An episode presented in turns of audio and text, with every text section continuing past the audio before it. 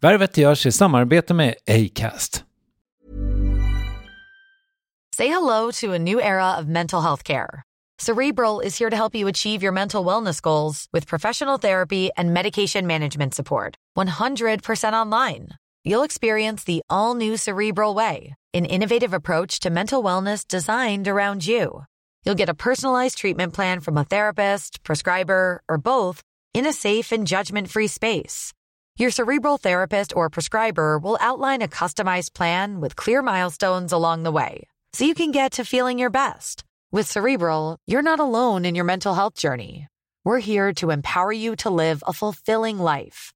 So take that first step towards a brighter future and sign up today at cerebral.com slash podcast and use code ACasts to get 15% off your first month. Offer only valid on monthly plans. Other exclusions may apply. Offer ends July 31st, 2024. See site for details. Hey, I'm Ryan Reynolds. At Mint Mobile, we like to do the opposite of what Big Wireless does. They charge you a lot, we charge you a little. So naturally, when they announced they'd be raising their prices due to inflation, we decided to deflate our prices due to not hating you. That's right. We're cutting the price of Mint Unlimited from $30 a month to just $15 a month. Give it a try at mintmobile.com slash switch. $45 upfront for three months plus taxes and fees. Promo for new customers for limited time. Unlimited more than 40 gigabytes per month. Slows. Full terms at mintmobile.com. Värvet har ett samarbete med Telia, ett telekombolag som knappt behöver någon vidare introduktion. Det är ju Telia som till exempel driver 5G-utvecklingen framåt i Sverige och som har landets bästa nät enligt oberoende undersökningen Umlaut 2023. Ja, Telia är så förknippat med kvalitet att det liksom spiller över i världen i övrigt. Saker är Telia, eller så är de inte det. Nyligen uppstod det ett nytt ljud här i ateljén som jag inte förstod var det kom ifrån. Det lät så här. Det var inte Telia för mig som jobbar med just ljud, men efter lite detektivarbete visade det sig att det var någon slags bakmaskin som hen en trappa upp hade införskaffat och med en lätt justering av placeringen slutade den låta ner till mig. Att ta tillmötesgående grannar, det är Telia. En sak som verkligen inte är Telia för oss som jobbar med kunder också, det är när de inte får tag på oss. Det finns det dock bot på. Telefonväxeln Telia Smart Connect, en molnbaserad växel med extremt låga trösklar och massa smarta funktioner. När jag hörde vad Telia Smart Connect eh, kan göra tänkte jag, okej, okay, det där har ju ingen företagare råd med. Men den kostar otroligt mycket mindre än man tror. Så om du vill att ditt företag ska ha tid att jobba mer effektivt, missa färre samtal och ha mer flow i tillvaron, mer Telia helt enkelt, ja, då föreslår jag att du börjar på telia.se företag. Stort tack Telia och Telia Smart Connect. Jag var typ mega homofob eh, och var såhär, nej, jag vill inte vara det där. Nej men jag var också, det var ju en sån när jag väl fattade att så här, okej okay, fan så här illa är läget. Jag får bara acceptera det här typ. Men då var det som att jag bara, det här ska ingen någonsin få veta. Alltså när jag var kanske 13-14. Det här får jag bara ta med mig till graven. Jag kommer nog kunna pull off och ha, ha någon fru och det kommer säkert gå.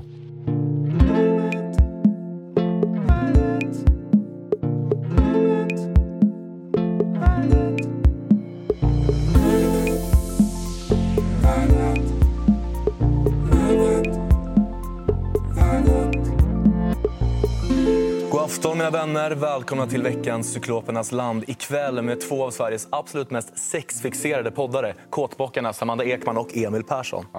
Smart, dumt och roligt. Så sammanfattade någon tyckare SVT-satsningen Cyklopernas land när den lanserades för ett par år sedan. Och vi som redan hade ögonen på programledaren Kristoffer Garplind såg honom blomma ut. Visst, han hade varit vass och rolig redan i radion, men det var något med att han slapp bli avbruten av P3, vi älskar ny musik, som var fullständigt magnetiskt. Snart kommer det en ny säsong av just Cyklopernas land, men först, du gissade Värvet avsnitt 587. Här är Kristoffer Garplind.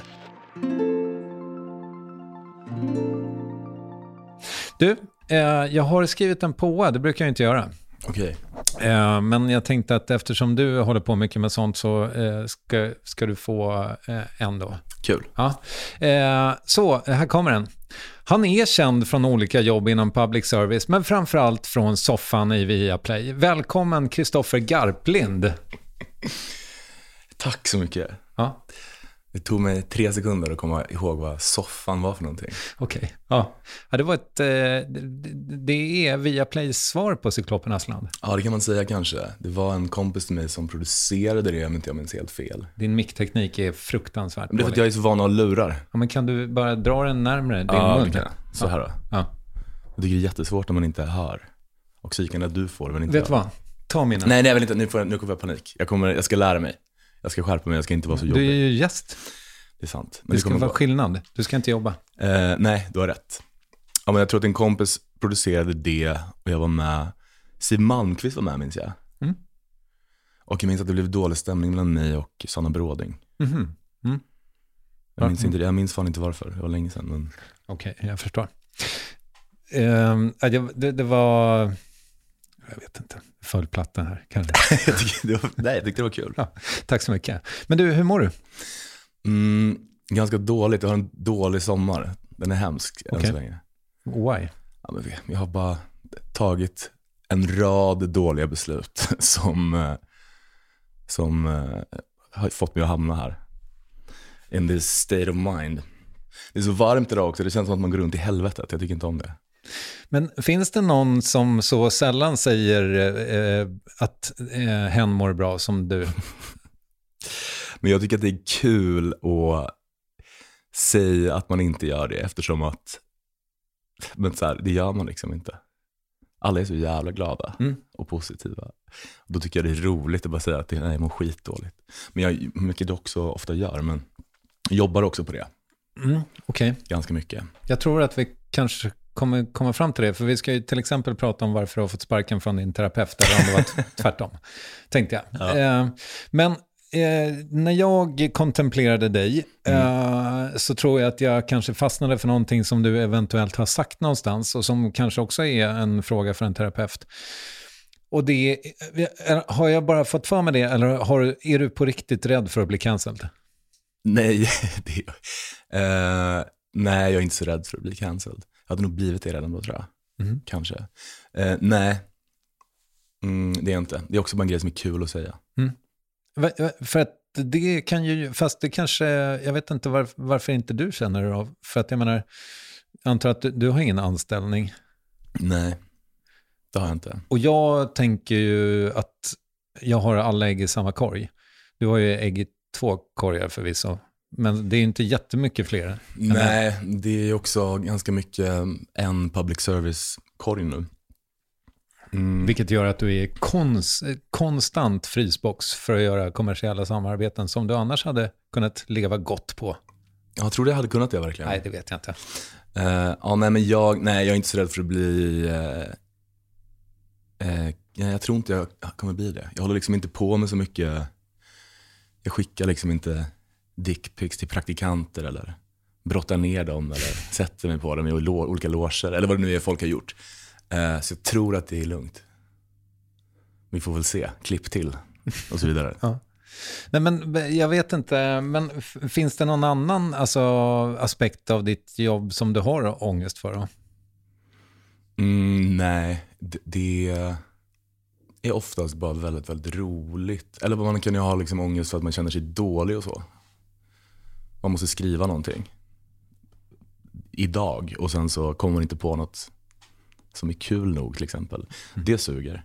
Eh, och man eh, kan vara jobbigt om man, måste, om man håller på med tv och måste sitta i och titta på klippningar och så. Jag tror inte det är så hälsosamt att liksom titta på sig själv så mycket. Det kan också ge mig fruktansvärd ångest. Det hade jag eh, en bild av att du kanske inte gjorde, men du, där, du är, sitter med och klipper Cyklopernas land. Nej, men däremot så får jag, vi har, eh, eller lite olika klippare, och min redaktör Rebecka Hedström som jag också skriver med, hon sitter i, i klipp. Men jag får alltid en fil som jag tittar på. Och så får man liksom skicka notes och liksom feedback och så. Vad brukar det vara för notes? Nej, men det är typ inte så mycket, de är så jävla duktiga. Det brukar mest vara typ så här, vi borde lägga in en bild på den här personen när jag nämner den. Alltså typ sådana grejer. Mm. Ehm, annars är det inte så mycket. Det brukar vara ganska, jag har fullt förtroende för dem. Har du ehm, fått syn på, jag, jag, jag älskar Catherine Zimmerman, så det här är sagt med all kärlek, men vi delar ett, eh, tick, kan man säga. Eh, Liksom ett programledare-tick. Och det är att vi säger, du, eh, alltså när man så samlar eh, kraft eller vad det nu är, man vinner tid för nästa fråga. Och just det här du är, Mm. det är så fult alltså. Uh, Catherines är snyggare än mina ska sägas. Eh, Ja. ingen skugga faller på henne. Men, men har, har du något motsvarande? Förutom, Förutom, nej jag har ett. men jag brukar säga men väldigt mycket så, eh, till exempel, som är väl en klassiker. Jag säger också, vad roligt, väldigt ofta. Eh, vilket irriterar mig ja, skitmycket. Jag vet inte, jag, bara, det är en jävla idiot som säger det. Eh, jag säger bara det när jag inte vet vad jag ska säga. Jag förstår, säger jag eh, 97 gånger per avsnitt Ja. också. Men klipper du bort det då? Ja, oftast. Och sen har jag ju då en otroligt begåvad producent som vet att jag hatar det när jag säger det. Men, men ibland så slinker de där duna igenom. Mm. Och jag vill, inte att det ska finnas, jag vill inte att det ska finnas ett enda due i värvet överhuvudtaget. Nej. Så någon dag ska jag sätta en sån Fiverr-person på och klippa bort alla gå in i due. gamla avsnitt också och Ja, ja. bort. ja, det ska bort bara. Nej, det kommer jag inte göra. Nej, okej, så du, du har ett par stycken. Nej, men du har ju också en eh, sägning som du säger eh, väldigt ofta. Mhm. Eh, och den är så stockholmsk och härlig så jag vill inte att du ska sluta med den. Men du säger, jag vet inte, Ah, jag vet inte. men det tycker jag är coolt. Det kommer jag fortsätta med. Ja, jag, jag säger det. Mm. Det, det tycker jag också. Ja, Eller säger du ens ja? jag vet faktiskt inte. Nej. Nu sa jag det på det riktiga sättet. Ja. Okej. Men all right. Men eh, ska vi, kan vi ta den då? Ehm, din, eh, varför, varför får man sparken från sin terapeut? Men det var mer, grejen var att jag tror att hon, men jag har liksom haft, jag hade en terapeut en gång som var väldigt, väldigt gammal. Och vi blev osams om pengar. Eh, Så då fick jag inte riktigt sparken. Då stormade jag ut. Eh, och kom aldrig mer tillbaka. Man ska inte bråka om pengar i relationer. Nej, jag vet. Och sen mejlade hon mig mycket och var, du, vi, ska, kan inte avsluta så här. Men jag var så sur och... ehm, Du tyckte att hon var för dyr eller? Nej, men det var liksom, det är inte så intressant. Men hon, jag var tvungen att betala för massa gånger jag inte hade varit där. Och jag kan köpa det om man typ så ställer in samma dag eller liksom, eller eh, bara inte dyker upp. Men jag hade liksom sagt så här, om tre månader är jag inte i Stockholm, då kommer inte jag kunna komma till exempel. Och då skulle jag ändå betala för det. Och då tyckte jag det var konstigt. Ja, det, det, jag är på din sida här. Eller hur? Och sen så, så var jag så här, vad- om jag typ skulle bli överkörd av en bil på vägen hit. Hade du liksom viftat med det här inbetalningskortet då också? Hon bara, ja det hade jag. Och då sa jag, men det, så kan inte, den här relationen funkar inte för mig. Eh, Men nu senast var det bara en, jag tror jag bara hamnade hos en, hon sa, jag har inte kompetens nog att hjälpa dig. Eh, vilket kändes hårt. Men, men det var för att det var lite fel typ av, eh, hon kanske jobbade mest med arbetsrelaterade saker. Och jag försökte liksom hassla till mig lite gratis terapi via en av mina arbetsgivare. Ah, ja, Så gick okej. jag dit och sen höll jag liksom min långa monolog om allt som suger i mitt liv. Och då var hon så här bara, babe, typ, jag kan inte... Eh, man kanske skulle gå dit om man var utbränd. Mhm. Inte för att man liksom är, I don't know, vad man nu hade för problem då. Mm. Eh, så sparken är väl att ta i, men jag tyckte det var roligt. Det var kul av henne att säga så. Det var kul sagt av dig också. Alltså, det, är en bra, det är en bra story. Ja, det är en ganska bra story. Men så att du är i behov av en terapeut just nu? Jag vet inte, jag, tror, jag, har haft, jag tycker det är så svårt att hitta bra G med dem. Ehm, jag testar lite olika, men jag tycker de är så... Man måste, jag vet inte, det känns som att man måste, jag måste liksom tycka om dem. Mm. Eller ha någon slags förtroende för dem. Ja, men jag kan bara, nej, jag vet inte, jag kanske är lite för, eh, jag vill hitta den perfekta.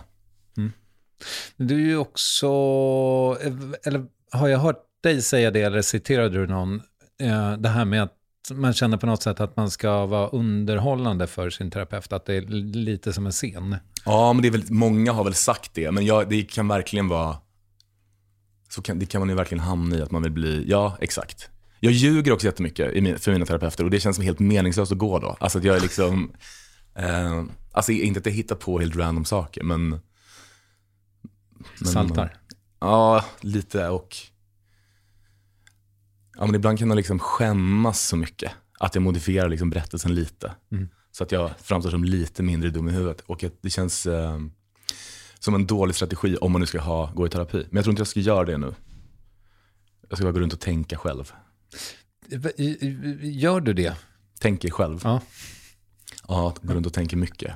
Men det hörde jag dig också säga att det är det du vill göra på dagarna. Ja. Men, men eh, vad betyder det?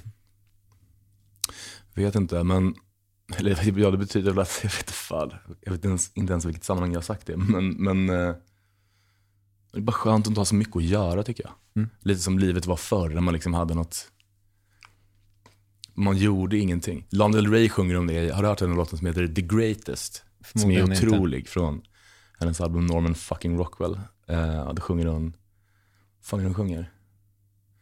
Miss doing nothing most of all eller någonting sånt. Mm. Och jag antar att den här låten handlar om, att the, greatest loss som sjunger om är liksom någon slags ungdom som är på väg bort. If this is it, I'm signing out. Miss doing nothing the most of all. Jag har ju tänkt jättemycket på, alltså den här våren har jag varit helt besatt av energimanagement, vad det nu kan tänkas heta på svenska. Eller ja, vad det, tänk, vad det heter bara. Jag vet inte vad det heter. Men just det här med, liksom som då i viss mån obehandlad ADHD-person så har jag väldigt svårt att hushålla med energi. Så det går extrema mängder energi. Alltså jag läcker mycket energi, tänker jag. Och då tänker jag mig att jag så här, ja men då ska jag liksom tanka energi. Um, också måste man ju göra på något sätt. Och så har jag tänkt att den energin ska komma från att typ motsvarande spela Candy Crush. Och så gör den ju givetvis inte det, för att mm, vad jag inte förstår är att Candy Crush också kostar energi, även om det är gl- glada färger så att säga. Kan du relatera till det här på något sätt? Eller var det... Ja, men jag, men jag, jag håller på med ett, eh, jag höll på väldigt länge med ett mobilspel. Som var, gick ut, man var typ en bebis som åkte i en, liksom, någon slags rutschkana. Och så skulle man fånga lite olika bollar och inte ramla av eller ner liksom. Och det blev jag väldigt besatt av. Jag var etta alltså, på high score i hela världen under en, alltså en dag kanske. Men det var väldigt stort för mig. Okej. Men ingen annan tyckte det var liksom häftigt. Jag minns att jag visade för min kille, bara kolla hur sjukt att jag liksom är etta. Sad Lady, som är mitt namn när jag spelar, så att folk ska tro att det är en, en ledsen dam som sitter och kör Mario Kart online. Ehm, det håller jag på med, men det var, nej men jag fattar nog att det inte är, ingen har väl någonsin sagt att det är, det är väl jättedåligt att hålla på med så skärm.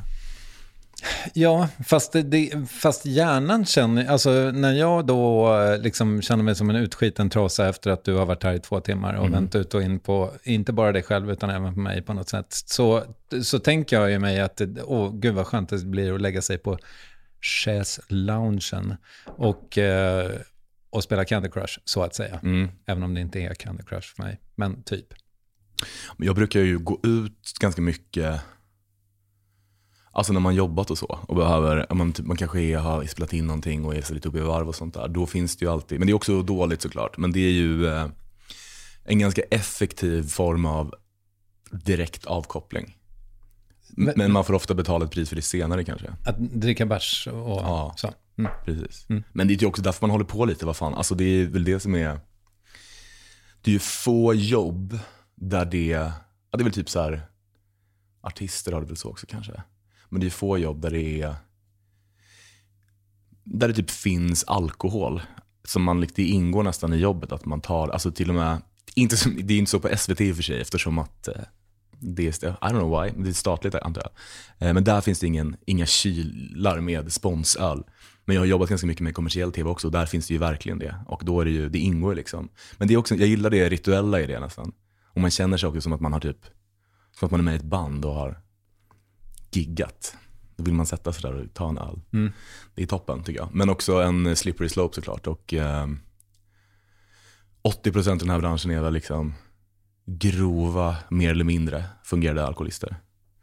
Ja, men det No där... är- offense. Tack. Eh, eller none-taken. Eh, jag, jag, jag känner att jag är på en bra plats med alkoholen just nu. Skönt. Eh, men, och du, du då? Med alkoholen. Men jag är också på en bra plats tror jag. Mm. Varför tror jag det inte riktigt? Du, ljug inte för mig och din terapeut. Eh, Nej, det ska jag inte göra. Nej, men jag... Eh, men folk frågar alltid mig om, om alkohol, men det är väl för att jag själv har pratat ganska mycket om det. det Du är ju eh, liksom någon slags arvtagare till eh, tronen kring största alkoholromantikern ja, i Sverige. ja, vilket också är lite cringe, känner jag nu. Men eh, Vi, vad har vi för andra förresten? Eh, Schulman måste väl ändå, med de där två fingrarna och ja, men det, det känns som att det är en, en annan sorts drickande. kanske. Ehm, ja, det finns, väl, det finns väl skitmånga. Men usch, jag vill inte hålla på med det känner jag nu. För det känns så, det känns, det känns jättetöntigt. Men hur som helst, förlåt. Men du är inte, det, det, du har en i schack, så att säga. Ja, det tror jag. Det är svårt att veta tycker jag. Man blir också, jag är liksom 34 nu och eh, vad fan, alltså jag, jag har ju liksom, man har ju, jag har ju supit sen jag var typ så 14. Alltså hela, hela 10-talet är liksom en jävla dimma känns det som ibland. Ehm, men det är svårt att veta, alltså då är man, man också yngre. Alltså jag har alltid tänkt bara så här, vadå jag är ung typ. Så här är det, jag kan hålla på med det här. Men sen kom, så är man inte så jävla ung plötsligt. Ehm, och då borde man kanske tänka på det. Men jag känner inte att det är, jag tror, alltså jag vet inte, det är inte ett problem än. Även om många brukar skämta med mig om att jag kanske har fem år kvar att dricka eller någonting sånt. Eh, så jag vet inte. Men jag tycker liksom inte jag är värre än någon annan jag känner. Och det här är ingenting som, eh, som, är det här en grej som brukar dyka upp i dina avslutade terapisessioner? Jag har inte gått så mycket terapi ens. Eh, nej, det är det nog inte. Nej, det är inget, eh, inget jag brukar ta upp själv i alla fall. Vi får se om vi återkommer till, eh, till alkoholen i någon form. Men jag tänkte så här, eh, jo, jag sa ju att jag um, tänkte att vi skulle prata om att förkovra sig. Jag sa inte det med de orden, men det var det jag tänkte att vi skulle kom, komma till. Men du är ju liksom, eh, du har Cyklopernas land, det kommer väl tillbaka i höst får man förmoda. Mm, det gör det i september. Och, eh, men det du har gjort mest ändå de senaste åren är väl ändå underhållning i P3? Ja, det är det ju fan sen, jag har gjort det sen typ 2017, 2018 tror jag. P3. Fly för dig. Klockan är halv fyra, det är tisdag, det här är eftermiddag i P3 med Hanna och Kristoffer. Hej på er. Fy fan för dig Kristoffer Garplind. kan du inte börja ett Fy arbetspass? fan, vad var det hon sa i Malmö? Tvi dig Kristoffer Garplind, spot. Vad är det, hur, hur går det på jobbet där? Mm, det, går, det går bra tror jag. Det är väldigt, väldigt roligt. Alltså, det är liksom, jag har verkligen velat göra det där hur länge som helst också. Alltså, jag satt så, när jag var typ tio kanske, så att jag och mamma hemma alltid och vet, åt frukost och lyssnade på Morgonpasset med Annika Lantz. Jag tyckte hon var så jävla rolig. Glory days för morgonpasset får man väl ändå Ja, säga. jag var, liksom, jag var varken barn då, men jag minns att jag tyckte det var fruktansvärt roligt. Och eh, jag jobbade länge, för länge sedan med en eh, person som heter Sebastian Novacki, som nu har mitt gamla jobb hos Filip och Fredrik faktiskt. Eh, men vi, vi startade en podd typ så, 2014 kanske, som heter Känsliga rummet, som är döpt efter en forumavdelning på sajten familjeliv.se, där folk kan vara typ anonyma och skriva saker som att de hatar sina bonusbarn och sånt. Så vi tog den titeln och så fick folk liksom skicka in frågor om relationer tror jag det var. Eh, alltså ganska basic idé. Men då ville vi göra det och då ville jag verkligen, jag ville sända radio och då fanns det något som hette Radio Skanstull som eh, var någon slags bar slash klubb slash radiostation som låg på... Som, som, som absolut inte låg på Skanstull ett tag i Nej, alla fall. låg ett av de här tornen liksom vid, över Kungsgatan, på Regeringsgatan tror jag. Mm. Och eh, där fick man liksom, då fick vi en tid där, då fick man liksom sända radio och det var typ 200 personer som lyssnade. Men vi spelade låtar och liksom, det var live. Och sen klippte vi en podd av det också efter. Men själva, hela grejen för oss då var liksom att vi ville sända radio. För det är väldigt, väldigt kul. Eh, så jag eh, tycker att det jag håller på med nu är, ja men det är, det är skitroligt. Ja, det, går väl bra också tror jag. Jag får vara kvar i alla fall. Ja, men eh, hur mår P3? Vet du det? Har du, bryr du dig om det? Ja, det har gått skitdåligt för P3 i massa år, men nu har det liksom vänt. Okej. Som jag har förstått det. De gjorde ju om jättemycket. För typ tre år sedan kanske. Och eh, det verkar som att den grejen har funkat. Eh, Så nu är det mycket så glada mejl. Mm. Det finns en sån mejlinkorg. Jag är inne i väldigt sällan, men där kan man läsa såna veckobrev från Silla Bänka och sånt. Mm, Okej. Nej, men för, jag funderade på eh, vad det sämsta med jobbet på P3 är. Jag har ju, jag vet ju redan vad det är, men Mhm. vad, vad skulle du säga till? Men dels är det ju, som programledare så har man ju, jag bestämmer ju inte över det programmet. Jag får liksom ett mail, eller jag får liksom veta ofta samma dag vad det ska handla om, vilka som kommer. Man kommer till ett ganska dukat bord, det finns en redaktion som gör det mesta av jobbet. När man är programledare där, vilket är lite konstigt, men då jobbar man liksom inte så mycket redaktionellt med programmet. Man har ett möte liksom en timme innan sändning. Och man måste ju ha med sig några egna så kallade snackisar och sådär. Men annars är det ju, och jag såklart kan ju ha, jag har ju massa inflytande. Eh, och kan önska saker och liksom säga vad jag hade velat göra. Men, men det finns en, det finns en liksom ganska tydlig beställning vad det ska vara. Och så. Och det får man, eh, man kan ha åsikter om det, men man får också anpassa sig liksom efter det. Hur ser den ut då? Ah, I don't know, jag kommer inte riktigt ihåg, men det finns, men jag vet att det finns. Mm. Men det är inget eh, länge sedan jag läste den lappen. För jag har den i fysisk form, vet jag. Okej. Någonstans. Ja, jag fattar. Nej, men för jag tänker mig, men det där är ju också, när du säger att nu, du kommer till dukat bord, det, men det finns ingen pratmanus liksom. Nej, vi har, det- nej, jo, alltså när vi har typ gäster så finns det, Skrivna på år. ja, och frågor. Men det där kan man liksom, brukar använda det mer som ett underlag. Mm. Alltså ibland kan jag läsa en sån på rakt av som någon annan har skrivit. Och vi har vissa format i programmet som är också bara skrivna av en redaktion. Då det bara, han och jag alltså som bara liksom, då utgår vi från det och läser det. Men annars så är det ganska mycket, alltså vi freestylar ganska mycket. Man, man har det där som ett eh, underlag. Ibland skriver jag egna på ibland riffar man. Det är lite olika. Men, eh, men man gör eh, inte så mycket av grovjobbet. Och det där, för det där är ju, det var det jag tänkte att vi skulle prata om lite grann, alltså när du då ska ha med dig eget material så att säga. För att jag upptäckte ju ganska tidigt så här att eh, om jag bara, liksom på den tiden jag hade ett jobb fortfarande, och det här är väl också ett jobb, men du fattar vad jag menar. Så åkte jag liksom till jobbet och sen om jag hade tur så var det jag som hämtade Love på förskolan liksom. Så gjorde jag kanske någon intervju på eftermiddag kväll. Alltså så här, jag levde typ inte.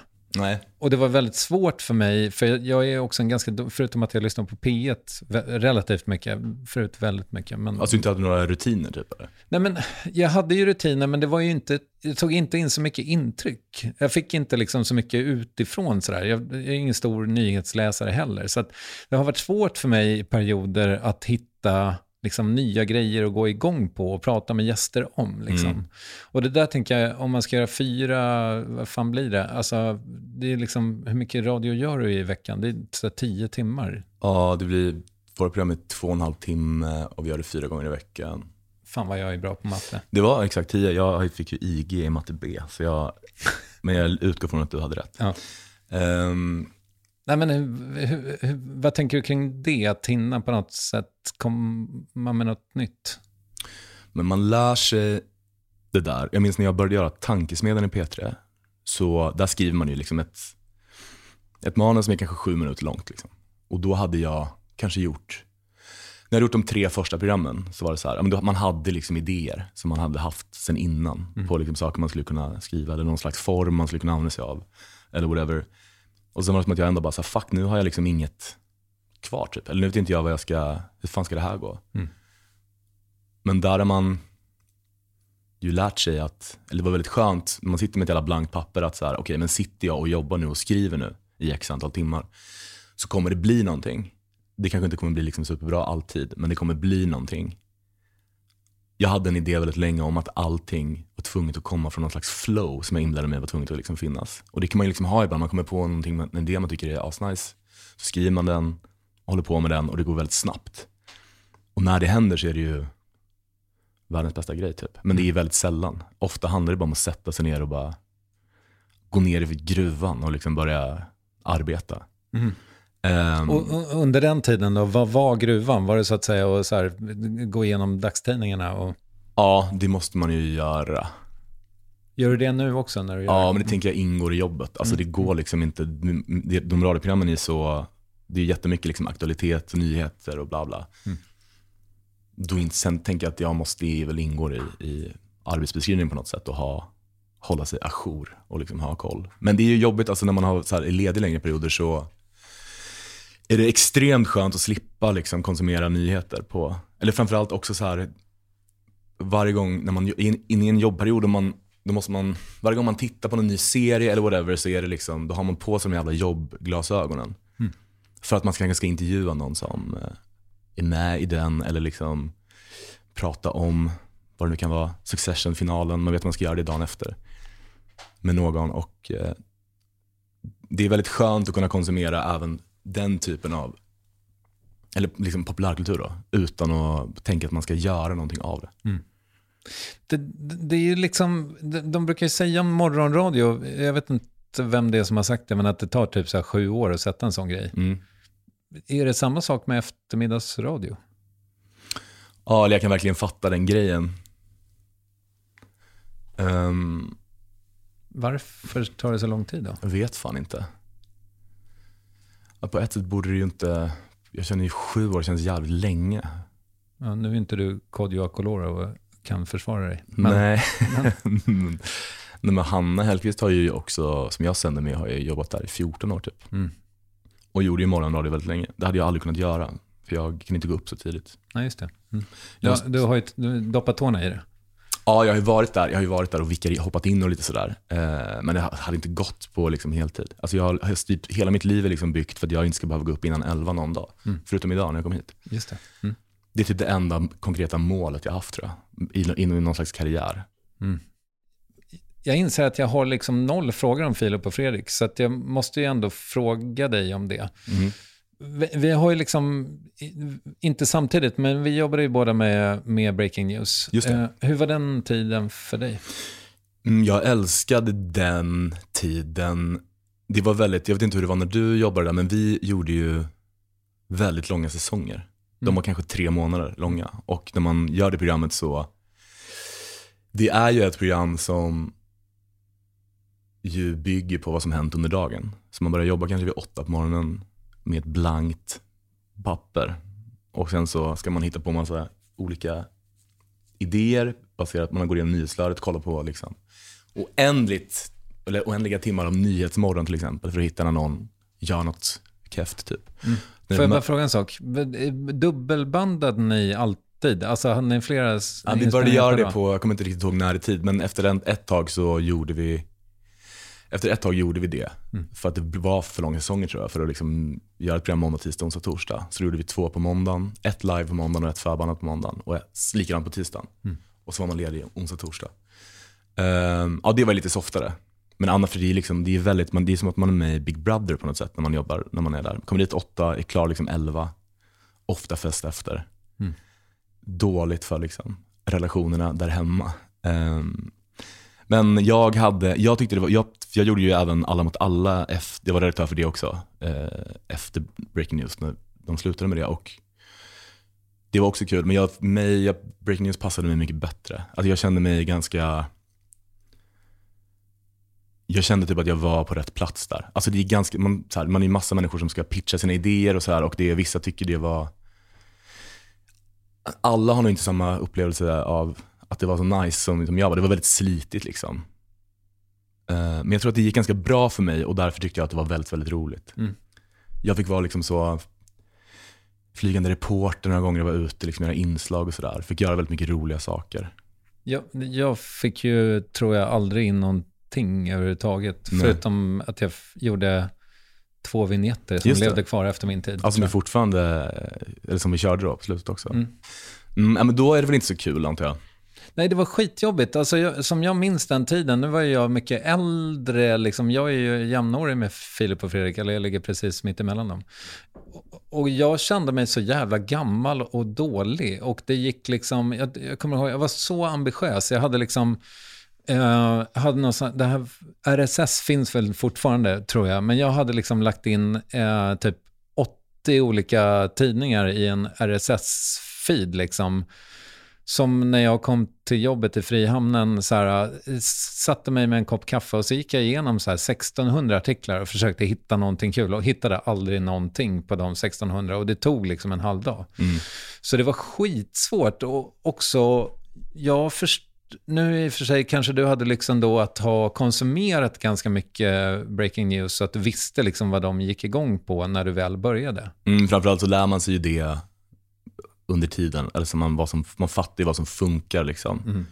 Och, och så här, förlåt, men geniet Söderholm var mycket bättre på att hitta roliga klipp med ryska alkisar än jag var. Liksom. Och, och då, ja, jag vet inte. Det gick åt så mycket energi för mig att bara förstå vad Filip och Fredrik ville ha. Och sen så, eh, när jag typ lite grann hade förstått det, då fick jag inte komma tillbaka. Också jätte, alltså, man hade ju inte alltid någonting. Det var ju mega ångest såklart. När man sen ska upp och man tar någon skit som man, och låtsas att man tycker det är kul. För att det ändå ska se ut som att man liksom har, för det ser ut som att man har släkat. Nej, men du, du, eh, du gillade det där. Ja, jag tyckte det, det var också så här, alltså man har sett liksom en miljard behind the scenes eh, dokumentärer när man var tonåring liksom från så här typ SNL och sånt liksom. Och det här var, för vi flytt, någon gång så flyttade vi också från Mexiko, produktionsbolaget alltså, till eh, Filmhuset där vi också spelade in programmet. Så då satt man liksom på en redaktion upp på en våning och sen var det liksom en trappa ner till studion som i de här dokumentärerna. Och det kändes liksom, eh, det, var, det var jävligt, eh, det var allt jag hade liksom fantiserat om. Någon, alltså det är ju någonting med kanske framförallt Fredriks liksom känsla för talang också. Alltså, du- jag vet inte, har de fått tillräckligt mycket cred för det? Ja, det kanske de har. Men ska de ha lite till ändå? Ja, det ska de säkert ha. För det är ju väl, vi är ju ett gäng som är, verkligen är skakade ur deras kappa. Verkligen. Mm. Men jag var ju också verkligen, jag är också exakt i rätt ålder tror jag för att vara jag tror att jag var 12 eller något sånt när de gjorde det här, Ursäkta röran på TV4 och tyckte det var skitkul såklart. Jag, jag tänkte häromdagen på Fredrik Wikingsson på golfbanan. Ja, precis. Den blåste med tutan. Otroligt. Älskar Och sen liksom, det, var väl, det passade väl bra för en 12-åring. Men, men sen så, men alla de här High Chaparral, alltså jag följde liksom dem och eh, tittade på, älskade dem liksom. Och det verkade så jävla kul att hålla på med det. Och de var så, de, det var också något helt, det kändes jävla nytt ju när de kom. De, jag förstod liksom inte alls alla referenser som de, som de drog. Men det var ändå roligt på något sätt. Det var så mycket, det var så mycket mer, det var som att när de gjorde någonting, typ så här High Chaparral, så var det som att de, det var lika mycket ett program som handlade om inspelningen av programmet på något sätt, som det liksom var eh, en intervju med Mike Tyson, eller vem det nu var. Eh, det var. Jag tyckte det var så jävla kul och jag hade kanske inte hållit på med det här typ, om inte de hade gjort det. Och jag känner mig så, fan, eh, jag jobbar nog med kanske fem år, jag känner mig ändå så väldigt stolt över det och att man har varit en, en liten visserligen, men ändå en del av, av deras katalog. Eh, du, vet du vad? Det här var ju egentligen ett stickspår, för jag ville ju prata liksom om det du var på med eh, eh, dels din eh, känsla i rummet, för att det var ju på något sätt ändå ett långformat. Liksom. Det var ju, ni, för du pratade om att ni hade relationssnack, men det var ju också ett, ni hade gäster. Ja, precis. Vi tog alltid in typ så, det var ett sätt att intervjua folk på. Vi tog in kanske som Malou von Sivers och så fick hon svara på frågor. Alltså, jag kom inte in så mycket frågor till oss, men det var ändå ganska många som lyssnade för det var en sån liten, alltså på själva poddversionen. Eh, men då fick hon svara på så här, en fråga där som kanske handlade om, eh, ja min, min typ tjej har eh, lite dålig personlig hygien. Hur ska, jag liksom, hur ska jag ta upp det med henne? Så fick Malou svara på det och berätta om hon hade någon egen erfarenhet på temat typ. Det var, jag har inte hört det där sen vi liksom, det är tio år sedan, men eh, jag minns det som att det blev ganska kul ofta. Nej, men det som är slående tycker jag när jag, jag har lyssnat i kapp lite, alltså jag har ju lyssnat på väldigt mycket med dig, men du låter väldigt färdig tycker jag som programledare redan då. Liksom. Det är som att du har på något sätt, jag vet inte, du är, hade ju också sen kväll med Garplind eller något på högstadiet. Ja, det var en, en one night only, något sånt julspex. eh, men ja, absolut. Ja. Och det hörs på något sätt. Ja. Att du eh, är, jag vet inte om du har t- övat på pojkrummet på att Det har jag verkligen övat sedan jag var kanske liksom nio och gjorde sådana jättemycket radioprogram. Alltid med musik också, vilket är ju helt liksom, meningslöst på ett sätt. Eh, och tvingade diverse kompisar och syskon att vara med. Ja, apropå tappade liksom följdfrågor så skulle jag säga vad det sämsta med P3 var Ja, för typ en halvtimme sedan. Ja, och det, det är ju musiken. Ah. Ja. Eh, men, men så att, jag, jag, eh, nu blir det lite självupptaget igen här då, men jag kommer ihåg en avslutningsfest för Breaking News eller vad det nu var. Och då kommer jag ihåg att Fredrik Söderholm frågade eh, Filip och Fredrik så här, ja men kan, typ vem kan bli programledare? Alltså kan Triumf bli det? Och jag ville ju inget hellre, eh, men jag vågade ju inte erkänna det på något sätt. Och då sa Fredrik Wikingsson, vilket kanske säger någonting om att han inte har så bra fingerspitzgefühl när det gäller psyket alltid, så sa han så här, ja eftersom han inte vill kanske. Mm. Och det var ju liksom, det, inget har ju någonsin varit mer fel. Det var ju det enda jag ville. Ja. Jag vet inte varför jag tar upp det här. Varför tar jag upp det här? Jo, att, att vilja fram. Mm. Var det liksom, men hur, vad, hur förhöll dig, du dig till den liksom viljan då under de där åren, när du faktiskt var bakom? Men dels har jag nästan alltid haft något annat projekt samtidigt. Jag gjorde, jag gjorde Tankesmedjan samtidigt som jag gjorde Breaking News. Mm. Och, Där var man ju liksom framför mikrofonen. Och Radio Skanstull också parallellt kanske? Ja, exakt. Men sen har det inte varit, alltså det är så här en töntig grej att säga, men det har liksom aldrig, poängen har aldrig varit att liksom synas till vilket pris som helst. Till vilket, då hade man kunnat söka till Paradise Hotel. Ehm, men det har ju liksom handlat om att man vill komma på de här grejerna och skriva, eller så de här, skriva de här skämten. Men däremot är det mycket, mycket roligare att leverera sitt eget material än att skriva det till någon annan. Mm. Men jag har aldrig varit, nej jag har nog varit ganska, det var inte som att jag gick där och surade för att jag inte satt och ledde Breaking News. Liksom. Men det har inte varit, nej, men det är också en jättepinsam grej, eller så här, själva jobbet är, det är svintöntigt att vara programledare. Vad är det ens? Det är, sen finns det ju olika, man kan ju vara det på olika sätt och så. Jag är inte superpeppad på att leda Let's Dance till exempel. Nu hade de inte frågat mig, jag tror inte jag är liksom rätt man för det jobbet oavsett. Men det hade inte varit så här, stå på ett kryss på ett blankt golv, är inte grejen för mig, utan det är ju, jag, menar, jag har ändå fått göra ganska så här, det jag, jag själv vill göra, tror jag. Men att göra liksom en mer talkshow i talkshow på P, eh, eller för- förlåt, på SVT, hade, Mm. du, hade du velat göra det? Ja, det hade jag nog snackats lite om det, men alltså det, verk- det är så jävla svårt. Talkshow är så jävla ute. Mm. Alltså om jag hade gjort den så hade jag velat göra ingen sån liksom Skavlan-grej, utan då hade det varit mer humor.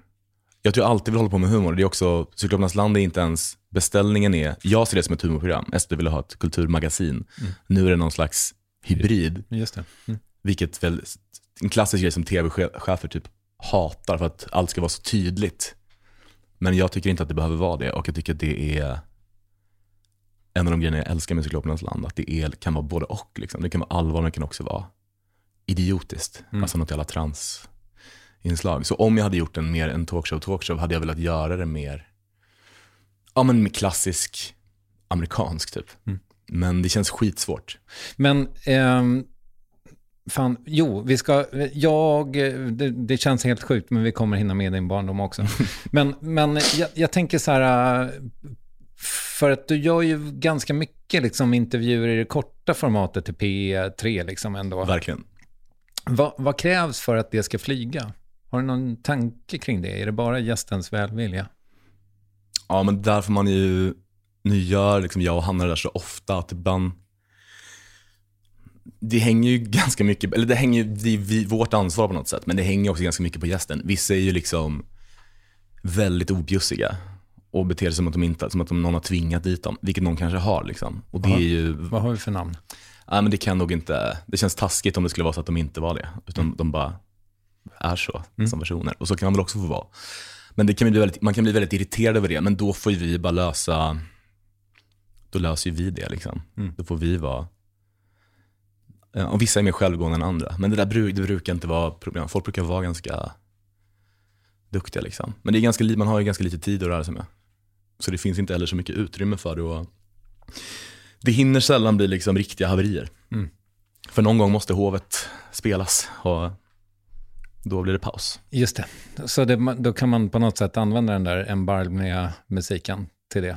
Exakt, men det är också hemskt. Jag, är så, jag får så mycket kritik av mina kollegor för jag är så dålig på det sociala i studion. Och kallprat med gäster så under låt. Jag brukar gå på toa och stå utanför studion och vänta bara i tre minuter och sen komma tillbaka. För att slippa prata om Mark Levengood. men, han, vissa kan man ju snacka med. Mark hade nog ändå kunnat tänka mig. Men jag är väldigt, väldigt, väldigt dålig på eh, eh, kallprat. Det är mycket lättare när man, har en, när man liksom är, när det är show och håller igång ett samtal. Än när man ska sitta där och bara hopp. Hur kan du vara dålig på det? Jag vet inte. Jag är inte alltså det är när jag bara när jag är nykter. Efter typ tre groggar är man expert på det här. Men eh, jag vet inte. Jag har liksom alltid eh, varit det. Mhm. Ehm, tyvärr. Jag önskar jag var bättre. Mm. Det är självupptagenheten som... Kan du berätta något kul om dig själv bara?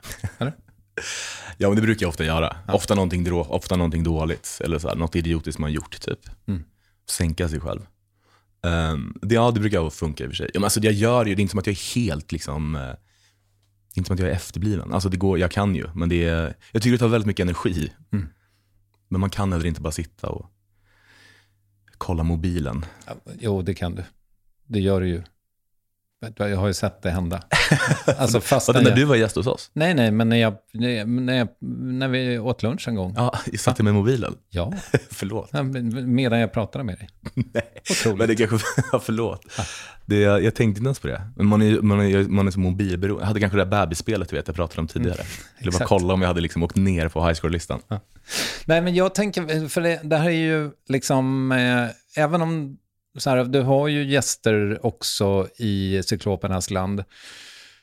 Men även då i känsliga rummet så tänker jag att du, du har någonting när det kommer till intervju som gör att det väldigt ofta funkar. Och jag funderar på vad, liksom, vad, vad du tror att det är. Mm. Ja men det funkar väl ofta. Det funkar ju liksom att vara lite sårbar själv. Alltså just den grejen att berätta någonting.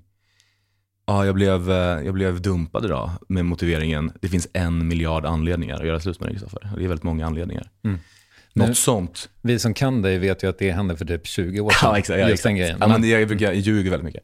Ehm, så det, men något sånt kan man väl vara, tycker jag, att man är, man bara visar och hur värdelös man är. Kanske kan folk bli lite så avslappnade av. jag tror inte att det är det. Vad tror du att det är då? Jag tror att det är, för jag funderade, det var en grej som förekom med Alex och Sigge häromdagen när Alex pratade om att han väldigt, väldigt, alltså att han bara är intresserad av att hänga med människor där han står lägst i rang. Mhm. Lyssnade du på det? Nej. Ja, men jag tyckte det var ga- ganska intressant ändå att han, liksom, alltså att han är någon slags masochist, i, i umgängesmasochist, att han bara vill hänga med typ Jan Guillou och GV och sådana som så här, sätter sig på honom. Ehm, och jag tänkte på, i ljuset av det, när jag har hört dig intervjua högt och lågt, verkligen, att, du, eh, är, att det är någon slags statusekvilibrium. Alltså att det är så här, eh, för mig så känns det inte som att, alltså så här, du behandlar mig likadant som Tommy X, så att säga. Ehm, när, jag är, när vi är gäster hos dig då. Mm.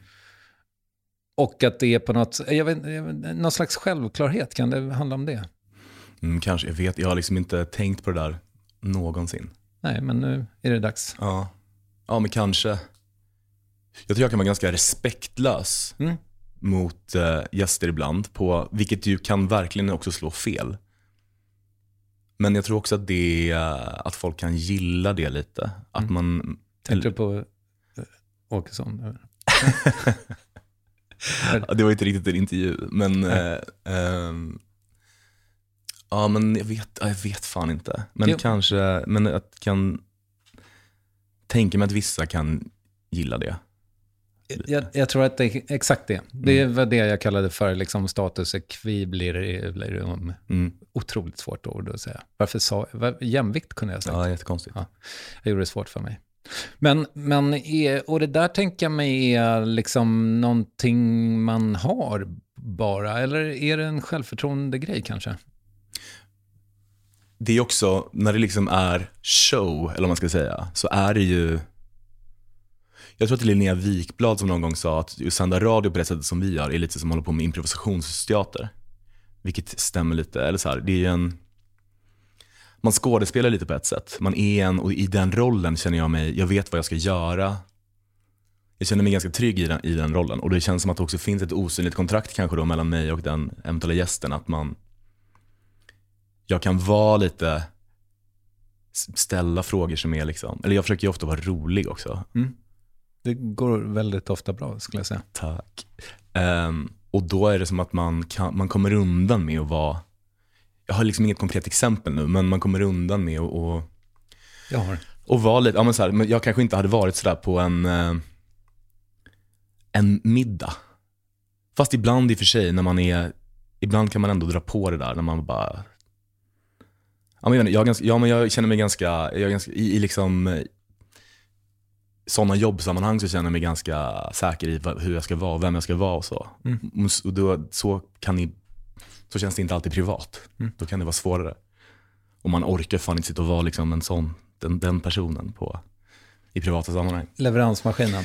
Går inte. Men, eh, nej, men jag har ett konkret exempel. Du har ett jätteroligt skämt när du påar i Cyklopernas land, när du påar Micke Marseman. När du säger så här, ja men du har ju gjort... Du har gjort serier och filmer förut. Eh, Lasermannen, Mm. 5 plus. Jakten på mördare, 5 plus. Tack ska du ha. Och så nu Hälsovården vatten 3 plus. Tack. Jag skojar. Den är också, den är också skitbra. Otroligt roligt. Ja, tack. Och det, är ju, eh, och det blir ju han smickrad av, tänker jag. Att du har skrivit ett skämt Mm. om honom. Ja, men han minns att han skrattade då. Men jag sa ju också direkt efter typ att jag skojar. Alltså det var ju inte... Hade du inte behövt. Nej, kanske inte, jag borde kanske inte gjort det. Det hade varit roligare att inte göra det. Apropå små roliga saker som har hänt i um, Cyklopernas land, förlåt om det är spretigt samtal nu, men det är ju när du, eh, eh, det här, och jag undrar om du, in, har du fått cred för det här skämtet? När du tittar ner i ditt manuskort och säger Emil Persson, han som har Han som har, jag kommer inte ihåg vad det Framgångspodden. Jaha, det, det var faktiskt, eh, det var ganska nyligen. Det var inte jag som skrev det, det var min redaktör Rebecka som jag skriver med, kommer jag ihåg. Väldigt, hon är väldigt, väldigt rolig. Så det kan jag tyvärr inte ta cred för själv. Men ändå, Ja, Ja. det var kul. cred Emil generellt är väldigt rolig att, att driva med. Mm. Jag kallar honom, det var no- Fredrik Wikingsson hörde av sig och sa att det var så, jag kallade honom någon gång för, han, har fan, Emil Persson har flyttat. Från, otroligt smalt nu, men han har flyttat. Han flyttade till Söder, ganska nära Nytorget. Och då sa jag det, Emil har flyttat precis. Jag presenterade honom som nya Nytorgsmannen. Eh, bara i liksom förbifarten. Och det är väl ändå, alltså det är ganska grovt för det är ju väl Sveriges mest framgångsrika, inom citattecken, eh, serievåldtäktsman. Liksom. Eh, och det är fruktansvärt, såklart. Men det är bara kul. Och Fredrik var så här, hur hur kom du undan med det? Så här? Men det är kul att säga sådana saker i... Eh, håll inte på så mycket med punchlines. Jag är ganska dålig på det. Och det är inte lika roligt. Det är roligare att vara, bara säga någonting helt sjukt och sen bara fortsätta. Men så är alltid, det är också de jag tycker är roligare. Alltså andra som håller på så. Eh, är- det tilltalar mig mycket mer och har alltid gjort. Mer än en sån... Delar du Fredriks eh, hat mot stand-up? Men, eller skulle det kunna finnas i korten för dig i framtiden? Nej, jag tror inte det är något. Alltså jag tycker framförallt att det, jag har tänkt det många gånger. Jag har gjort, jag, någon gång var jag tvingad att göra det. Jag blev tvungen att göra det av P3 för att de hade något som heter P3 älskar, som är så här, de måste ut i landet enligt någon lag typ. Och så åker man till Lund och så är det en massa artister som spelar och så är det en massa olika P3-människor som uppträder på olika sätt. Och då var jag tvungen att göra någonting på scen i typ tre minuter. Och första gången skrev jag rakt upp en sån stand-up-grej. Det gick helt okej, som jag minns det. Men jag, var också, jag drack så mycket innan för jag, var så, jag blev så fruktansvärt nervös. På ett sätt så det inte ens var kul. Liksom. Och jag tänkte, det här kan inte jag hålla på med. Så när jag var tvungen, tvungen att göra det nästa gång, då, då gjorde jag istället en grej som var att jag läste kända personers fiktiva dagböcker. Typ Jonas Gardells dagbok. För då kunde man ha, då behövde man inte repa in någonting. Man kunde bara skriva det. Och sen gå upp och leverera det och läsa det. Liksom. Vilket var en eh, lösning som passade mig. Men jag har inte varit så, nej, jag är inte så sugen på standup. Det känns så deppigt också när man följer några sådana på Insta. Alltså jag hatar det här slentrian-hatandet på svensk standup. Komik kan jag liksom, behöver inte jag sitta och hålla på med. Men det verkar så deppigt att sitta i någon jävla gympasal i Borås i något omklädningsrum där helt ensam. Osexigt. Okej, Jag hade velat i sådana fall stå på kanske cirkus. och liksom. jag fattar.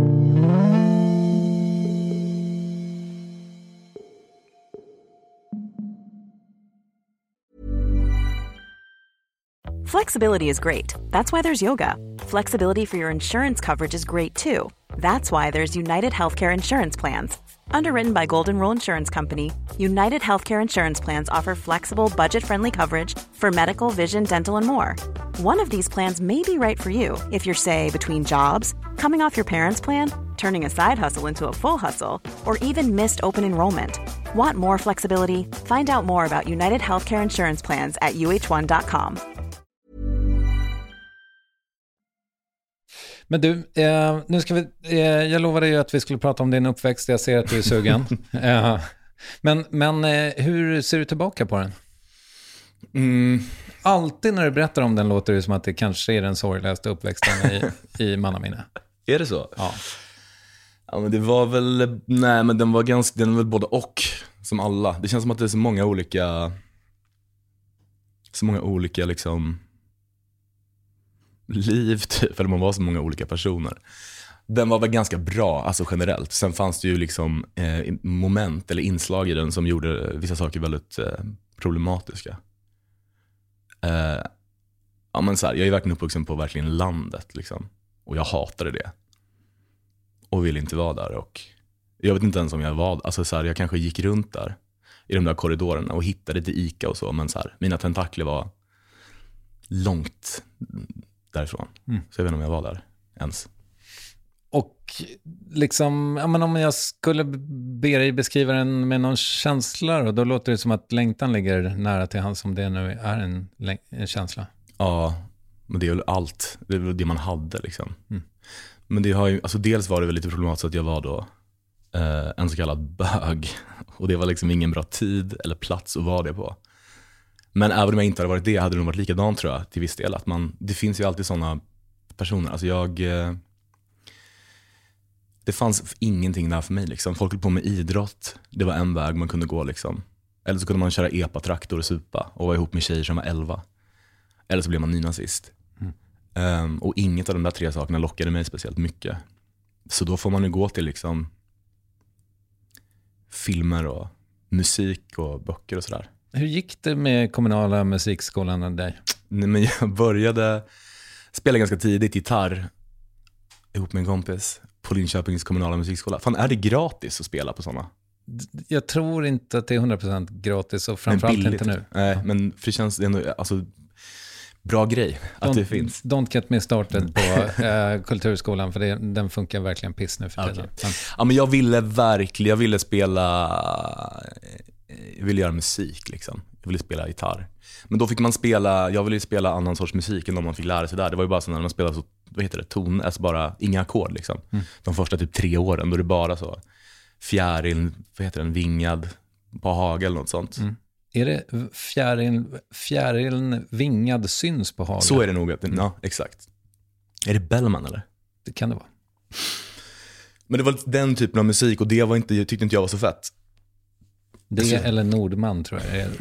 Bellman eller Nordman är det som har skrivit den. Men Nej, det- sen ett ja. tag så fick jag, ja, men när jag gick när jag började sjuan så bytte jag gitarrlärare till någon, någon privat typ. Och då var det så en ung sexig kille som lärde mig spela så The Strokes-låtar. Och det älskade jag. Men sen slutade jag, jag vet inte riktigt varför.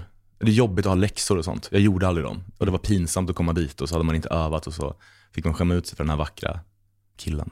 Man, man övade liksom eh, tio minuter eh, i någon korridor i skolan, som jag minns det. Alltså samma dag. Ja, ja men typ. Ja, jag slarvade skitmycket med det där. Så det var nog bara, jag kanske rakt av fick sparken. Men du tänkte ändå att du skulle bli rockstjärna väl? Alltså det finns... Mm, jag skrev jättemycket låtar när jag var barn och så. Eh, När skrev du en låt senast? det var kanske då när jag var 11 kanske. Men jag stal också, jag brukade, jag brukade försöka imponera på min mamma genom att ta, jag hade någon booklet till kanske någon så Savage Garden-skiva. Mm. Alltså de har en låt som heter Santa Monica som jag bara tyckte var så fin.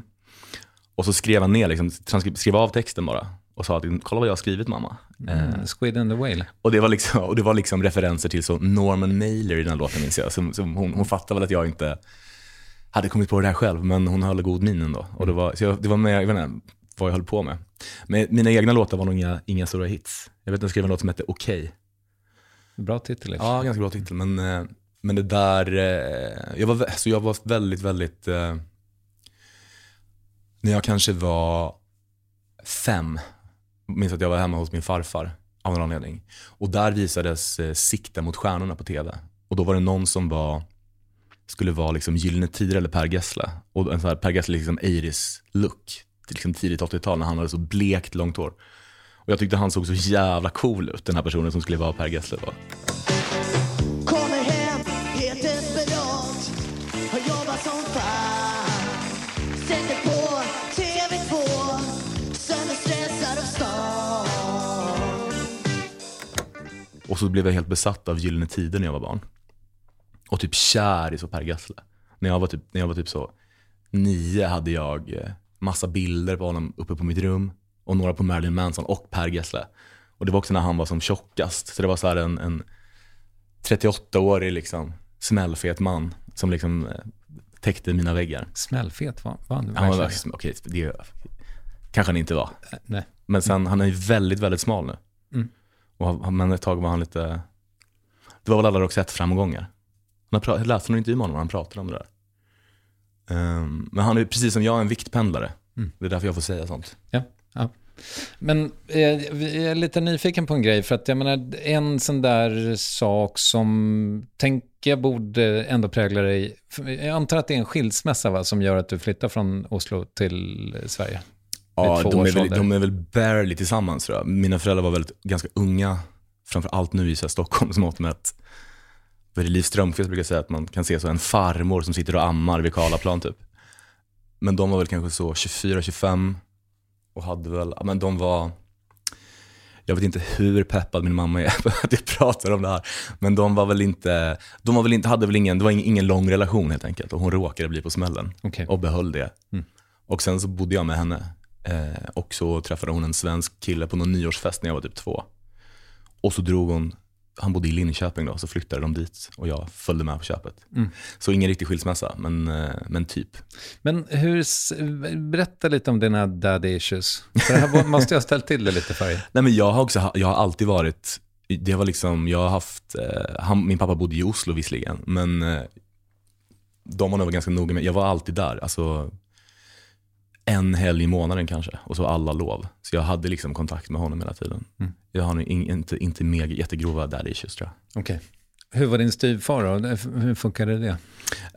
Men de var ju ihop, eh, ja, men han tog, tog väl, sig väl an mig, han var så illa tvungen. När jag liksom kom med på köpet. Du var ju väldigt gullig som barn. Det måste ha varit lätt. Hur vet du det? Jag har gjort research. Jag var faktiskt det. Eh, Jag var jättegullig. Det är du fortfarande. Jag pikade när jag var 11 utseendemässigt.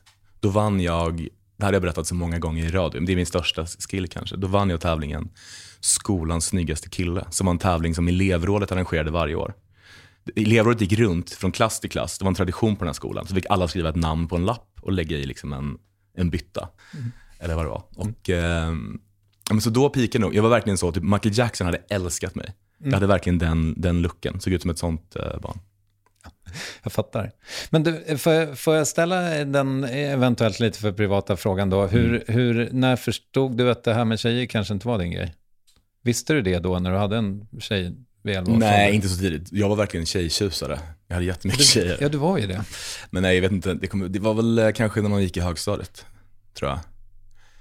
Ja, men som bara, alltså, jag tycker egentligen, det känns... Eh, det var liksom ett helvete verkligen för mig. Och det känns eh, ganska privat att prata om. Men jag vet också att om jag ska sitta och jag vara med i poddar så är det, om det ska finnas något jävla syfte med det, förutom att promota mina tv-program, så är det typ att prata om, om det där. Mm. För det är fortfarande liksom inte toppen där ute. Och det kommer en del DMs och så från någon, liksom, som att skit i Gävle eller någonstans.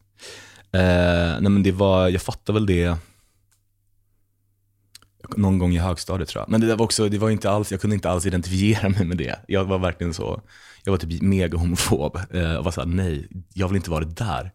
Men när du liksom på semestern köper en Leonardo DiCaprio Ja. för att du är kär i honom, det måste väl ändå ha varit lite av en giveaway till dig själv? Verkligen, i efterhand kan jag verkligen se det. Vem, Men du- vem men du går runt inte? med en sån? Eh, nej, men då var det med att jag tyckte, jag, jo, men jag var så jättekär i honom, men det var väl att jag tyckte han var, jag ville väl vara honom tänkte jag. Mm. Men jag, i själva verket kanske jag ville ha honom. Nej, jag minns, jag, jag hade sett, jag var nio när jag såg Titanic och blev helt blown away av den filmen. Och av honom framförallt. Mm. Gick till frisören med en sån bild på honom och ville ha exakt samma frisyr som honom. För innan hade jag haft det långt som Per Gessle, men då, ville jag, då bytte jag till Leonardo DiCaprio. Mm. Så det klippte de den där. Jag skrev ett brev till honom, minns jag också, som var någon slags kärleksbrev som jag också skrev så i smyg. Och så idiot som jag var så la jag bara, skrev så här, Leonardo DiCaprio typ, och la i brevlådan och tänkte, det där kommer han få. Mm. Och varför har han inte svarat nu när det gått tre veckor? Eh, men det, misstankar fanns kanske. Eh, Men det måste vara skitjobbigt liksom. Alltså att lägga, alltså du vet den här eh, Mat-Tinas grej om att hon så här, all, alla jobbiga tankar eh, så här, Mm. lägger hon längst ner på en sjöbotten och gjuter 12 kilo cement ovanpå. Och Mm. det här låter ju som en sån grej, som någon slags inre tryckkokare. Ja, verkligen. Men man, ja, det var, jag pratade inte med någon om det. Alltså, på hur lång tid som helst. Fanns dagbok? Ja, inte på den tiden tror jag. Nej men jag var också, det var ju en sån när jag väl fattade att så här, okej fan, så här illa är läget. Jag får bara acceptera det här typ. Men då var det som att jag bara, det här får, ska ingen någonsin få veta. Alltså när jag var kanske 13-14. Det här får jag bara ta med mig till graven. Jag kommer nog kunna pull off och ha, kom, ha någon fru och det kommer säkert gå. Mm. Men jag gjorde också allt, alltså jag hade ju så jättemånga tjejer på den tiden, flickvänner och så liksom. Mm. Ända upp i gymnasiet. Det här är ju så grovt, men att du var f- slickarkungen ändå i... Vem har sagt det här? Har jag, har jag du har sagt det. Ah, okej. Ja. ja. precis. Förlåt, jag borde ha triggervarnat. Var... Ja, men jag var ju, alltså jag var ju tvungen att ha tjej liksom. För att jag hade också bara kunnat skita i att ha det. Men det kändes för risky. Så då fick man ju göra det man, man ja, vi höll på med det där. Det var väl jättedestruktivt. Och eh, man mådde väl inte toppen efter. Fan vad skönt då att få börja gymnasiet. Och liksom kunna vara dig själv till fullo i Fagersta. Det var, jag, storstaden. det var jag verkligen inte heller. Det Nej. var liksom, Jag förstår det. Ja, jag vet inte. Men jag, eh, ja, det där var liksom, men jag hade liksom inte kunnat, hade jag kommit ut när jag var typ 15 på min högskoleskola, år död där. 2004, Mm. alltså jag hade varit det. Alltså jag tror jag hade blivit, eh, jag tror jag hade blivit, de hade aldrig slutat sparka liksom. Mm. Jag hade inte vågat göra det idag. Alltså det hade liksom inte, det var nog bara rakt av någon slags eh, överlevnadsinstinkt. Bor din morsa kvar där? Ja, nej, nej, hon bor i, i stan Mm. nu, i Linköping. Jag fattar. Inte där ute. Men ja, När kunde du skita i det där? Alltså när, när fick du leva? men det som hände var väl att det var också att man, alla liksom kär, kärlekar man hade var ju liksom 100% olyckliga kärlekar. Eftersom att det ofta var någon sån straight kille som spelade innebandy, som Mm. jag var kompis med. Och så var det, det fanns, det var liksom, det var typ vad kärlek var för mig. Och jag tänkte att så skulle det alltid vara. Men sen lite senare så träffade jag blev bara skitkär i en kille som också var, tack och lov då, led av hbtq. Och eh, då var det så här, fuck alla. Det var den toalettscenen i fucking Åmål typ. Mm.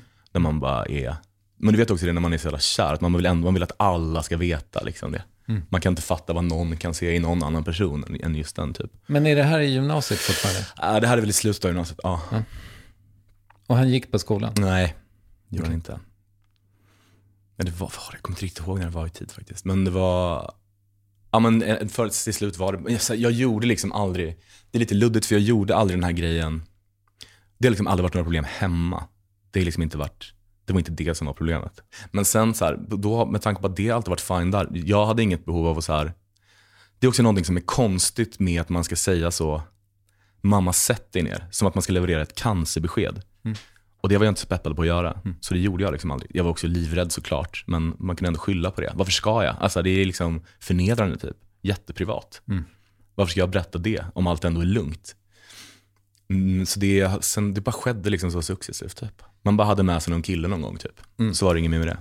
Jag hörde, det här är fan 15 år sedan tror jag, så var det en intervju med vad jag gissar var Lars Lerin på eh, typ P1 antar jag. Mm. Och då sa han liksom att Nej, men mamma visste alltid. Mm. Men visste din mamma alltid? Nej, det tror jag inte. Hon gick på den här. Ja, men jag var, så, jag var väldigt, alltså, väldigt, väldigt mycket tid och energi gick liksom ut på att ingen skulle misstänka det eller tro det. Man dubbelkollade ju sökhistoriken på familjedatorn några gånger, att den verkligen var rensad. Mm. Eh, nej, jag tror inte hon visste. Men jag hade också mycket tjejer, så det är inte, så konstigt liksom, att eh, ehm, vad, vad fan skulle hon tro Mm. när man kom hem med någon flickvän? Men din farsa då, den ökända norska homofoben?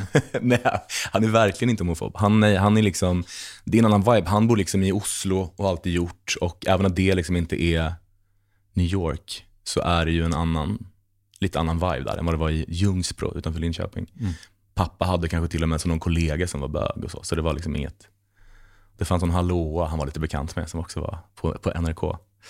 Eh, så det, nej men så det har verkligen inte varit en issue hemma överhuvudtaget. Någonstans sådär. Nu kommer det som min tjej sa, nu, jag sa att du skulle få gissa, men Mm. nu kommer det min tjej säger så här, men du kan inte fråga honom om det. Men jag, Spännande. jag gör det ändå. Nej, men för jag tänkte på det här med, och nu är jag ute på jävligt tunn is redaktionellt, känner jag. Eh, det är bara, jag har bara mig själv att skylla. Men jag tänkte på det faktum att du, du har så fruktansvärt straight musiksmak, Mhm. känns det som. Alltså, all, alltid när du droppar artister, då är det liksom, ja men du, är, du känns Sveriges, som Sveriges straightaste man när det kommer till musik. Mm. Och det känns också som att så här, alltså, eh, stå, står du, f- jag vet inte exakt hur jag ska formulera det, du mär- märker, jag, jag känner att det här Mm. Jag tycker är inte svårt. att det är så, alltså jag har liksom aldrig varit liksom ett fan av den här liksom bredbenta eh, liksom gubbrocken. Som ju känns som det mest straight jag kan komma på i alla fall. Jag har ändå gillat så här, fan jag lyssnade jättemycket på Kent när jag liksom var eh, tonåring. Det är ganska bögigt. Är det det? Ja, tycker jag. Jaha. Mm. Det är ju inte så, ja men det finns ändå något, det finns något så androgynt över typ Jocke Bergs röst till exempel. The Cure, inte super straight tycker jag. Mm. Plus att alla de här banden, du vet, det är ändå, eller Broder Daniel för den delen, du vet, de, de drar ändå till sig en viss typ av olika sorters outsiders ju. Det är den typen av band som alltid har liksom gjort det. Men jag lyssnar också jättemycket, det är inte bara, alltså fan jag lyssnar på ett stort Lana Del Rey-fan till exempel. Rihanna älskar jag också. Ehm, så det finns lite allt möjligt där. Det är, inte, det är inte super straight. Men jag fattar vad du menar. Jag vet inte, jag har också så här, det finns ju en, eh, det är svårt det där för att jag, eftersom att jag är då det som man ganska straight passing, som man säger, som väl kommer i att jag liksom, alltså, växte upp så. Du var, var ju nästan vuxen då innan du Ja, på precis. sätt- Ja, men så här, ofta, när jag var yngre fick man ofta höra så kanske på någon fest, fan du är liksom, du är inte alls sådär bögig. Som att det vore en komplimang. Vilket är väldigt, väldigt offensivt att säga liksom. Mm. Som att man, ja, vad skönt att du inte är så jävla fjollig som de andra. Jag hatar det liksom. Eh, och det finns någon sån konstig hierarki även i liksom, hbtq-världen. Att det är mycket mindre status att vara en, är väldigt så fjollig kanske. Och jag avskyr det. Och, eh, men sen är jag, är, alltså, jag har också fått kritik från liksom bögar för att de tycker att jag är för obögig. Liksom. Att, det, att man är någon slags, eh, liksom slickar straighta världens röv på något sätt. Eh, så det går inte, you can't win. Det, det låter ju, alltså det är väl en svår, alltså så här, du är väl den du är, tänker jag. Alltså Right. det är jobbigt att förhålla sig till någon slags förväntan på det då. Ja, men det är skit, alltså jag bryr skit väl i det. Ehm, och det är inte så mycket, det var mer när man var yngre. Fast det vet ju du lika väl som jag, att det är, oavsett om man intellektuellt förstår att man kan skita i kritik så gör man ju inte det. Nej, men det där det är ju liksom, vad är det för kritik? Alltså den är inte, jag tycker mest kritik är ju, gör väl ont när den träffar rätt kanske. Mm. Eller? Jag vet inte, jag är, inte så jävla, jag är fan inte så jävla känslig för, eh, när vi hade premiär för Cyklopernas land till exempel, alltså vi blev ju hatade i, av nästan alla som recenserade programmet. Vilket var bra, för det var väldigt många som tittade på det. Men eh, förutom, ja, Kroneman skrev väl en, en, var positiv typ. Och han är väl också den enda som typ kan något om tv i det här landet. Men jag skiter väl i vad någon tönt på Expressen. Alltså så här, det bryr jag mig inte om överhuvudtaget. På riktigt? Ja, det beror lite på vem som har skrivit det då, kanske. Mm. Men då var det så här, ja nej. Alltså det var ju inte kul såklart. Men eh, det var väldigt bra för programmet. Det hade nog inte levt lika länge annars tror jag. Jag och sen visste vi typ att så här, vi, var ganska, vi visste vad vi ville göra för typ av program. Vi sa till och med innan att vi måste göra det vi själva tycker är roliga. Vi kan liksom inte sitta och tänka på så här, mottagaren, det går inte. Då kommer det liksom inte bli kul att göra heller. Och när det väl, sen vände det ju liksom. Nu är vi älskade av alla. Ja, ni är ju det. Du är kanske Sveriges mest älskade man. Men jag tror vi skrev det i pitchen, det här kommer ta tre säsonger eller någonting sånt. För att Sen kväll med Luke hade gjort det, minns jag. På, Eller jag hade hört det någonstans i någon intervju. Och jag älskade Sen kväll med Luke när jag var barn. Jag är nog inte Sveriges älskade man, det finns många som hatar mig där ute, Kristoffer. Vilka då? Lite olika ex. Ehm, men det, men så är det väl, eh, man tänker ju alltid att alla hatar en och allt man gör. Tänker man det? Ja, jag, men det är kanske en sån småstadsgrej också. Tror jag. Jag kommer från Str- Strängnäs, det är också litet. Ja, men tänker inte du... eh, Att alla hatar mig. Ja. Nej. Men jag, tror- jag hade nog inte. varit outhärdlig om inte jag hade tänkt att alla hatade mig. Tror jag. Själv, självhatet är väl det största kanske då, eller? Mm. Men sen är det också, jag tycker också, en grej, jag kan också känna mig så jävla, om det är någonting man typ är så stolt över eller whatever, så är det också att man har, jag har velat hålla på med liksom den här grejen väldigt, väldigt länge. Och det är ganska svårt, eller många vill göra det. Mm. Och det jag kommer ifrån, det finns egentligen, det är noll förutsättningar för att det ska funka. Om man är så, jag är bara nöjd över att inte vara någon jävla nepo baby. Nu känner jag jättemånga nepo babies. De är skitbegåvade, många av dem, och underbara personer och så. Men det är ändå så, det lägger jag verkligen pride i, att man är så här en fucking lantis som, eh, som inte liksom har en mamma som är kulturchef. Och om man så här, lite snabbt då för eh, den som inte vet hur det gick till, så är, liksom, ser du det som att det börjar, liksom det mediala, när börjar det för dig? Jag höll på ganska mycket, jag skrev så du vet för här Östgötakorrespondentens ungdomsredaktion, jag var typ 13. Jag var, i- alla andra gick i gymnasiet och där hatade de verkligen mig. Vad fan är det här? Jag skrev någon sån, alla var typ som mig i Ung Vänster och de var såna riktiga megatöntar. Och så kom jag och var 13 och skrev en sån hyllningstext till så Linda Rosing som är Big Brother då kanske den säsongen. Och folk var så, vad är det här? Det här är typ inte feministiskt. Hur kan du liksom hylla den här jävla dumma tjejen typ? Men sen höll jag inte på med det där på lång tid. Men det var typ, när jag hade flyttat till Stockholm och var kanske så 22, 23, så ja, men jag ville verkligen hålla på med liksom humor. Och jag visste inte riktigt hur jag skulle göra det. Alltså jag har hållit på, det första jag gjorde när jag flyttade till Stockholm när jag var 20 var ju att mejla just Fredrik Wikingsson till exempel. För då skulle de göra det här Söndagsparty hette det va? När de var i eh, New York och sände en, live, en direktsänd talkshow därifrån. Och då, det här, jag var också, det här var det kanske tre veckor innan det skulle ha premiär, eller väldigt kort inpå. Men Fredrik var kvar i Stockholm för att han hade fått barn precis eller någonting sånt. Och då mejlade jag min idé till honom som typ var att jag ville vara deras utsända reporter i en amishby under de här åtta veckorna och rapportera varje vecka. Och då tog han liksom ett möte med mig och bara, kan vi ses på så Waynes Coffee på Kungsgatan? Och jag, jag var så här bara, what the fuck, nu händer det, tänkte jag. Det gjorde det såklart inte. Men att han bara tog det mötet med mig och tog mig på allvar gav mig nog ett självförtroende. Eh, och bara fan, det kändes som att... Och då visste inte jag att han typ tar alla sådana möten. För att han är världens bästa person på det sättet. Men sen höll jag på att kanske i ett, två år och pitchade massa idéer för olika, mejlade folk och... Och hade så ströjobb under tiden typ? Ja, jag jobbade, ja, exakt. Eh, ja, massa, exa, det var exakt det jag, jag hade och gjorde. Och bodde i en andrahandslägenhet. Men sen så började jag, jag blev ihop med en kille och vi, eh, som heter Sebastian och vi, båda ville liksom någonstans. Så här, vi hade kanske startat ett band i något annat, i en annan tid. Men eh, jag ville verkligen jobba med humor på något sätt.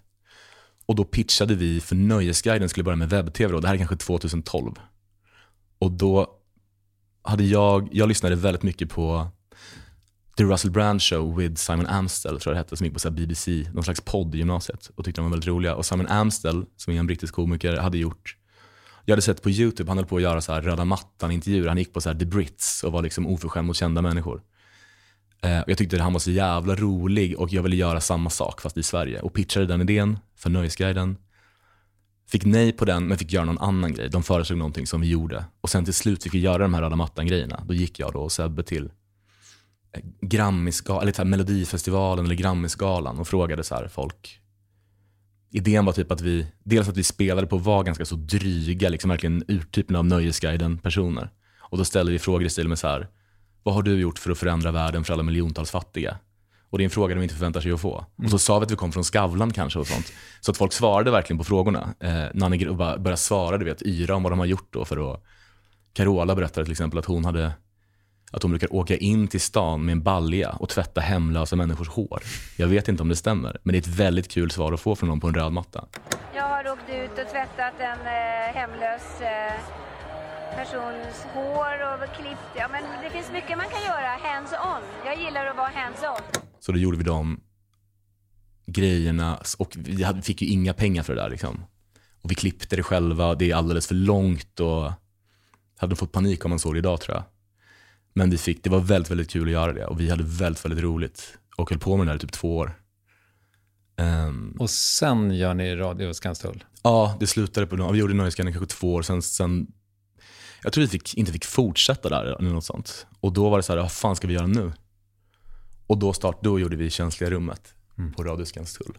Och sen något år efter det kom jag in på, på DI också, eller fan Stockholms konstnärliga högskola heter det väl nu. Mm. Och gick deras tv-producentutbildning. Var den bra? Ja, både och. Ja, alltså det är bra på, alltså de tar in så jävla få. Det var ju då i alla fall en prestigegrej lite att gå där. Jag kom inte in första gången jag sökte och blev rasande. Och tänkte fuck jag ska aldrig mer söka till den här fittskolan. Men sen gjorde jag det ändå. Och då kom jag in två år senare. Och, eh, den är ganska bred. Det är, det är mycket så branschföreläsare och så. Så det beror lite på vem som är där. Man får, hålla på, man får kolla på med massa saker man kanske inte var så intresserad av att göra. Men det var också bra, man fick göra breda grejer. Man fick pengar för att göra film eller så projekt typ. Eh, så det var lyxigt som fan. Men jag var inte där så mycket på slutet för jag fick, det började liksom rulla på med jobb för mig i samma veva. Mm. Och det kändes roligare att göra saker på riktigt än att göra olika skolprojekt. Så jag blev nästan utkickad. Men sen förstod jag att de kommer aldrig kicka ut mig för då kommer de liksom bli av med en massa, det ser inte bra ut för dem. Så då kunde jag göra båda ändå. Mm.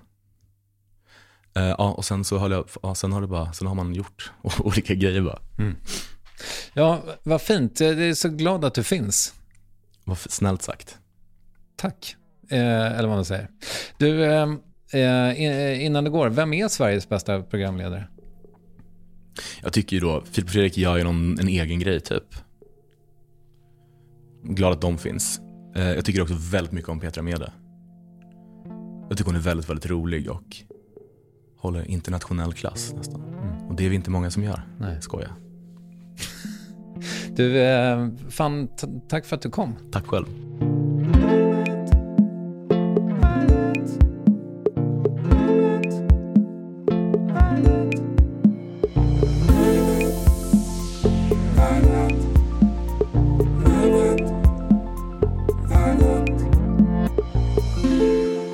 Hör honom i P3 och ser honom på SVT under hösten, Kristoffer Garplind. Men vill du ha mer redan nu, kvista då rätt in på Instagram där han gästar Sveriges kanske mesta, bästa, lästa talkshow Uppvärvning. Tack säger K. Triumf, N. Westin och A. Kaast. Vi hörs om lite mindre än en vecka. Det blir otroligt, det är min fulla tro. Halloj!